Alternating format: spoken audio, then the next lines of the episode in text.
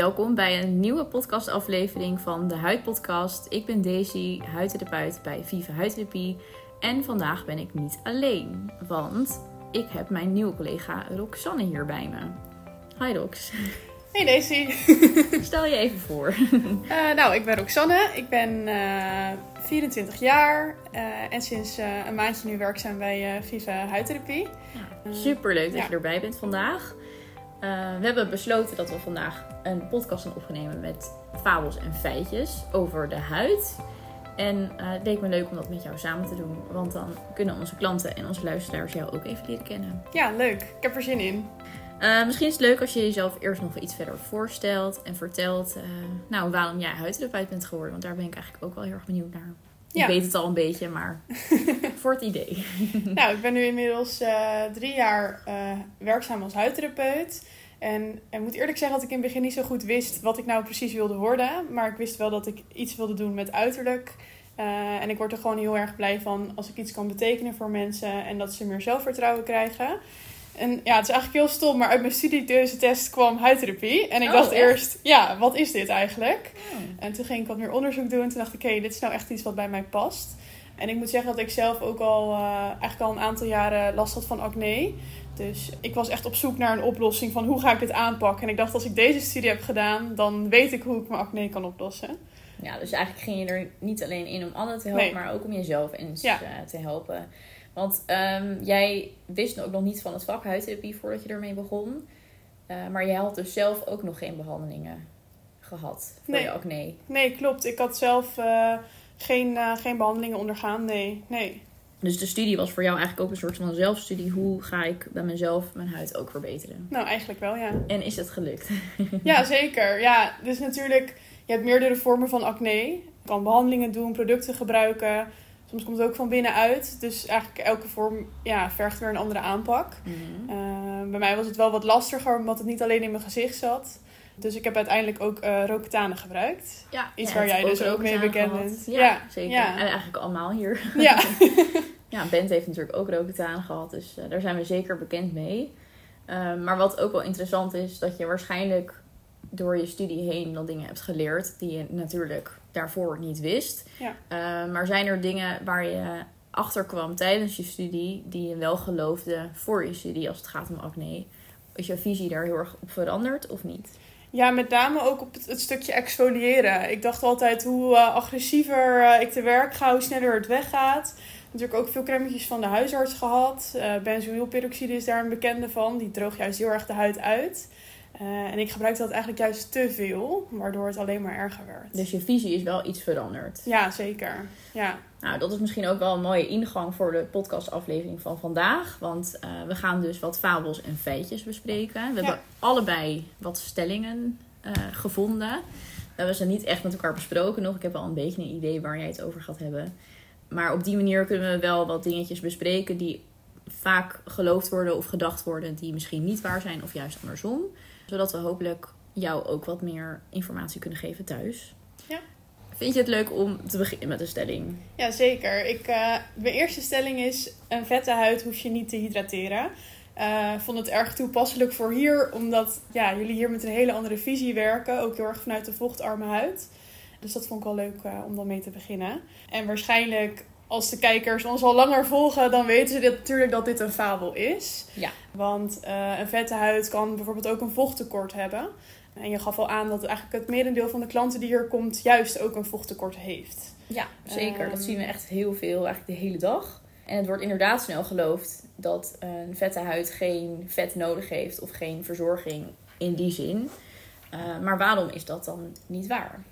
Ja, nou eigenlijk is het, het is niet waar, omdat onze huid uh, kan zelf ook geen water aanmaken. Maar de huid moet wel soepel gehouden worden. En onze huid kan wel talg aanmaken. Dus wat we dan eigenlijk merken is dat gedurende de dag onze huid juist een vet laagje creëert. En dan denken wij, oh, hè, ik heb echt een vette huid. Terwijl het eigenlijk dus een vochttekort is wat gecompenseerd wordt door je eigen huid. Dus het is eigenlijk heel erg belangrijk om te hydrateren ongeacht je huidtype. Ja, zeker. Dus uh, nou, ik ben blij dat je deze ook noemt. Want inderdaad, dat is voor onze klanten heel belangrijk. En um, dat is ook wel het eerste wat we veranderen bij een nieuwe klant. Als we zien dat dat dus nog niet voldoende gebeurt. Volgende stelling. Zal ik er eentje doen? Ja, leuk. Water drinken vermindert acne. Wat denk jij? Hmm. Even nadenken. Ja, ik weet natuurlijk dat ja, water drinken is natuurlijk wel goed voor je. Maar om dat echt uh, een effect op de huid te zien, moet je echt volgens mij 2 tot 3 liter per dag drinken. Mhm. En dat echt hele langere tijd volhouden. Ja, ja ik had hem ook uh, beantwoord uh, op ja en nee. Het is aan de ene kant waar, aan de andere kant denk ik dat het niet waar is. We kunnen natuurlijk zelf niet aangeven waar we willen dat het water naartoe gaat in ons lijf. En het is dus niet zo dat we bij veel meer water drinken de huid direct meer hydrateren. Indirect misschien wel. Maar het is wel zo dat gifstoffen en afval uh, door te weinig water drinken ons lichaam niet goed kan verlaten. En dat het er dan op andere manieren weer uitkomt. Bijvoorbeeld door de huid. En je kan wel zien dat een huid veel vochtarmer is als iemand echt te weinig water drinkt. Dat zien we best wel vaak. Dus bij iemand die echt maar twee glazen water per dag drinkt, dan kan je ervan uitgaan dat een huid ook wel vochtarm is. En dat je daar ook misschien wel klachten door kan krijgen.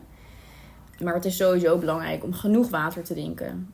En op deze manier kan je er natuurlijk voor zorgen dat je huid misschien minder gedehydrateerd is dan het zou zijn als je echt te weinig drinkt.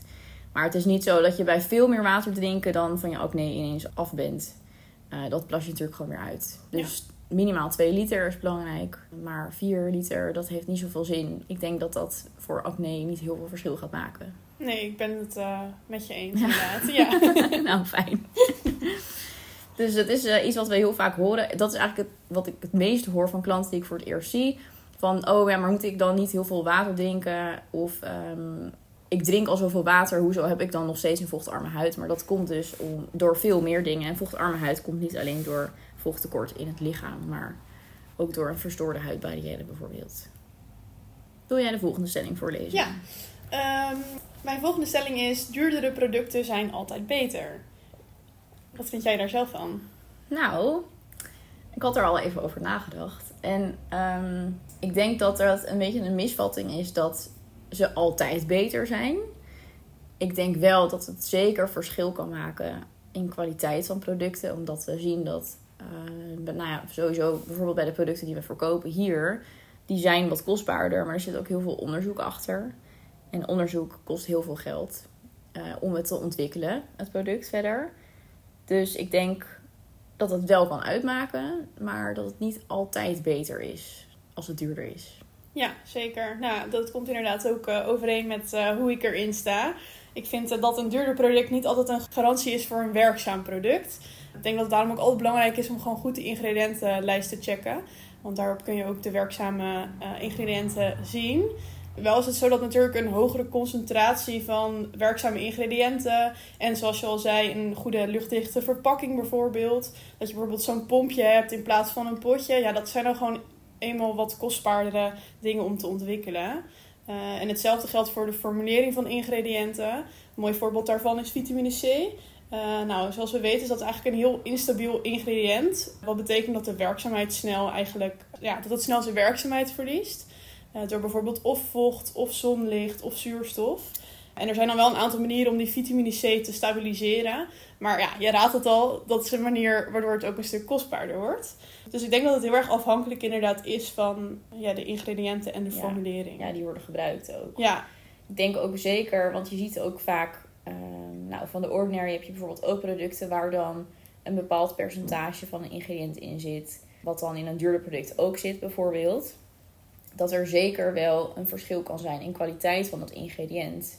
Want je kan in elke schilderzaak wel rode verf kopen. Daar zit natuurlijk ook weer verschil in, in kwaliteit. Dus het is niet zo dat rode verf altijd rode verf is. Maar dat daar ook weer verschil in zit in gebruik en hoe het wordt opgenomen.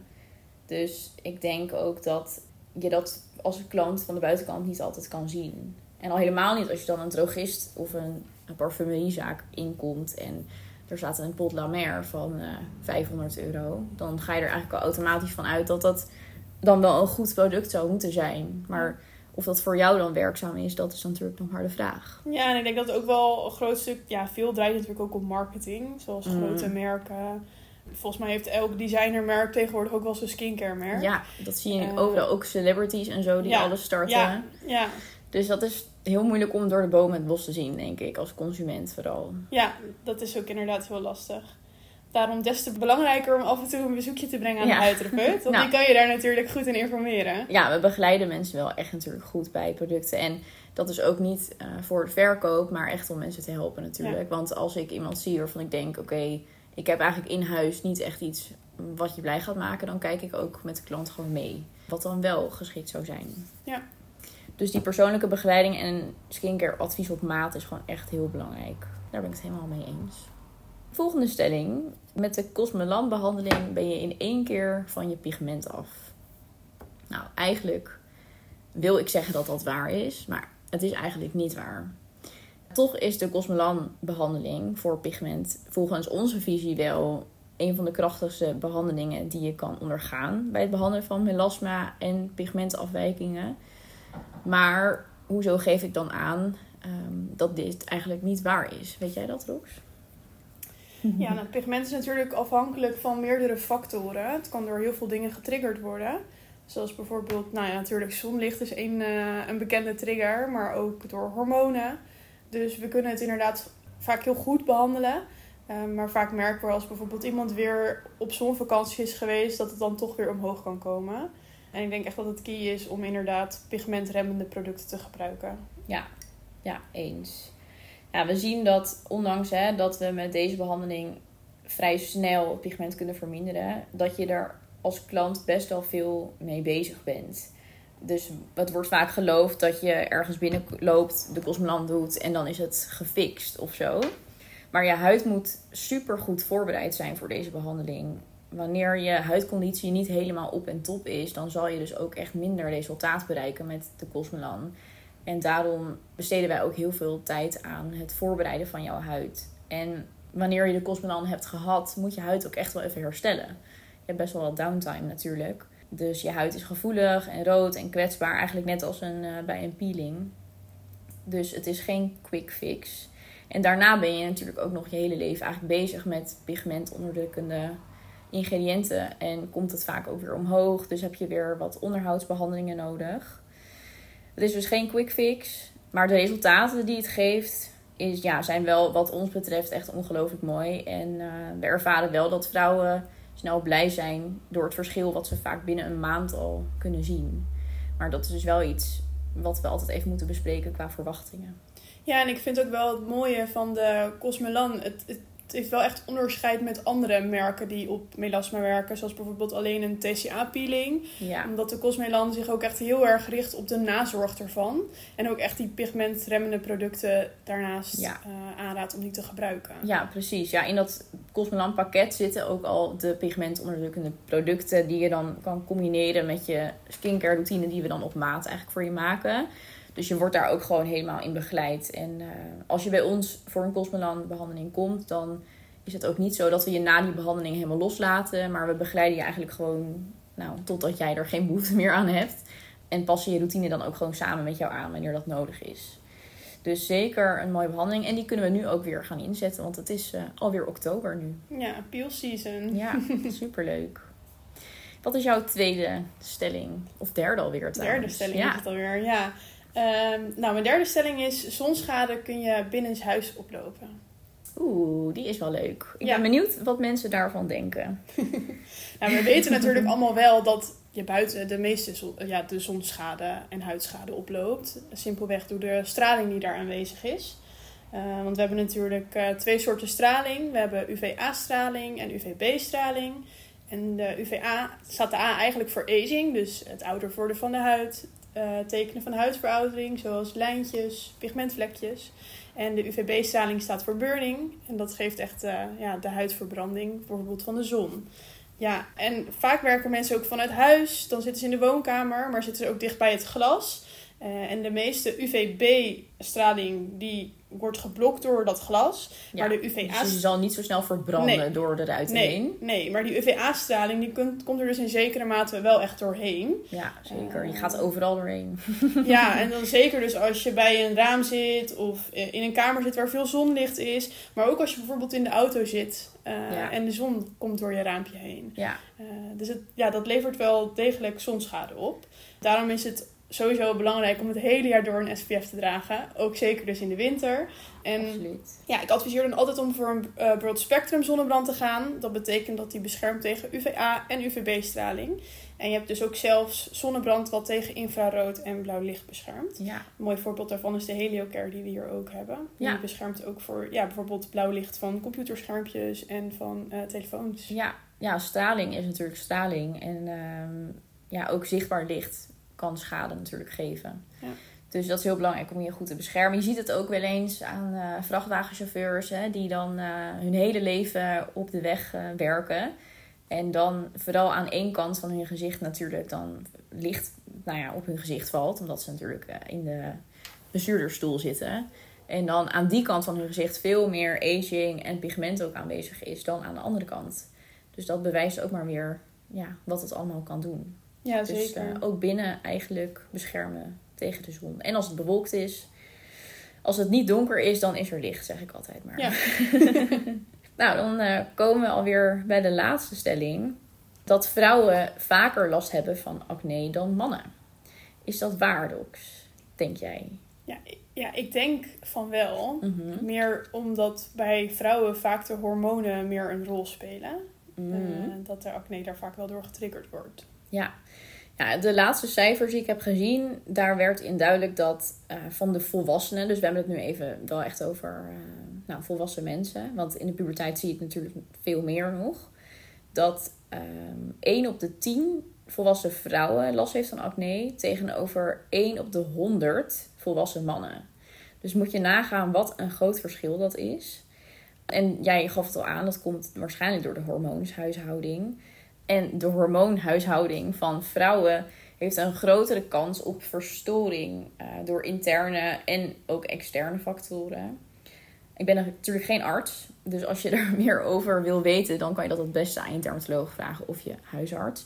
Maar wat we wel weten is dat als je kijkt naar een cyclus van een vrouw, eh, die is gemiddeld 28 dagen. En die verhouding van hormonen verandert door deze maand heen tot een piek. En bij een man duurt dat maar 24 uur. Ja, bizar. Dus bij een eh, langere cyclus kan je je voorstellen dat er ook veel sneller iets verstoord kan worden dan bij een hele korte cyclus, waar je dus eigenlijk weinig invloed op kan hebben. Eh, en ik denk dat dat de reden is dat we bij vrouwen snel die schommelingen zien, of dat dat misschien eh, qua hormonen ook dat dat weer andere invloeden heeft op je lichaam, zoals je huid. Dus het klopt inderdaad dat we minder volwassen mannen zien met acne dan vrouwen. En wat ik dan wel eens van klanten hoor, is dat zij te horen krijgen van mannen: van ja, maar heb je niet acne juist omdat je zoveel producten smeert en zoveel behandelingen doet? Misschien moet je gewoon niks doen en je moet het gewoon laten. Omdat die theorie daardoor is ontstaan. Dat vrouwen dat hebben omdat ze zoveel aan hun gezicht doen of make-up gebruiken, dat soort dingen. Maar dat is dus niet waar. Ehm, het komt dus echt door het verschil in hormoonhuishouding. Hebben die mannen toch maar weer geluk, hè? Weet je wel, hè, weer. nou, dat was de laatste stelling alweer. Ja, ik vond het leuk om eh, die van jou te horen en het eh, erover te hebben. Ik hoop jij ook, Loes. Ja, ik vond het zeker leuk, ja. Leuk dat je vandaag voor het eerst meedoet eh, met een podcast. En dat gaat vast in de toekomst nog vaker gebeuren. En onze klanten zullen jou vast ook snel bij behandelingen zien. Ja. En als jullie willen weten hoe Rox eruit ziet, ga dan even naar de Instagram, want we hebben nu ook een hele leuke foto van haar gepost. Dankjewel voor het luisteren en eh, hopelijk tot snel weer. Doeg! Doei!